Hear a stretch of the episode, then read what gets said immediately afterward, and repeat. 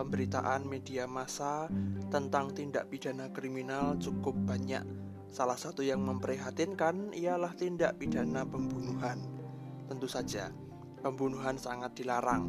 Bahkan hukum Taurat dalam Keluaran 20 ayat 13 mengatakan dengan jelas jangan membunuh.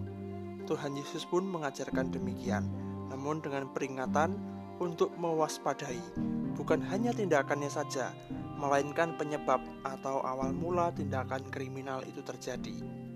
Matius 5 ayat 21 sampai 22a.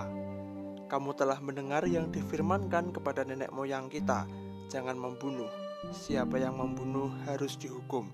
Tetapi aku berkata kepadamu, setiap orang yang marah terhadap saudaranya harus dihukum. Sebuah peringatan keras dari Tuhan Yesus. Tentu saja membunuh itu dilarang dan yang membunuh harus dihukum. Tetapi kewaspadaan terhadap awal mula penyebab tindakan pembunuhan itu harus diwaspadai benar, yakni kemarahan.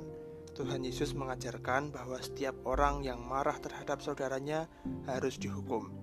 Loh, kok marah dihukum?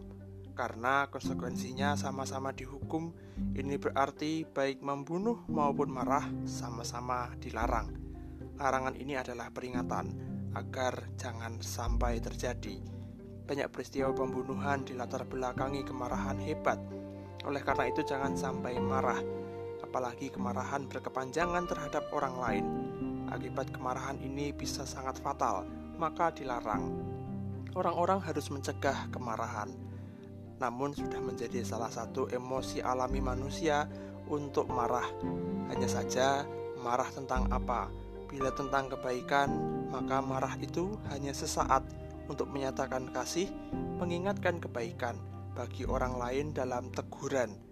Namun bila marahnya menjadi dendam dan kebencian, itulah yang tidak boleh. Oleh karena itu, kita perlu belajar menahan diri, mencegah kemarahan.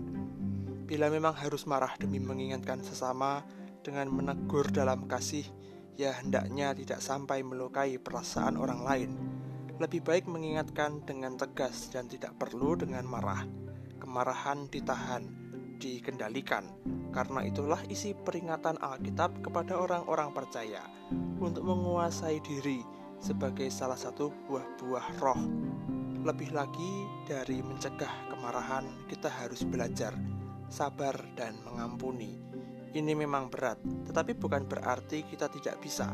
Tentu saja kita bisa, karena kita telah merasakan dan mengalami kasih Allah di dalam Tuhan Yesus Kristus.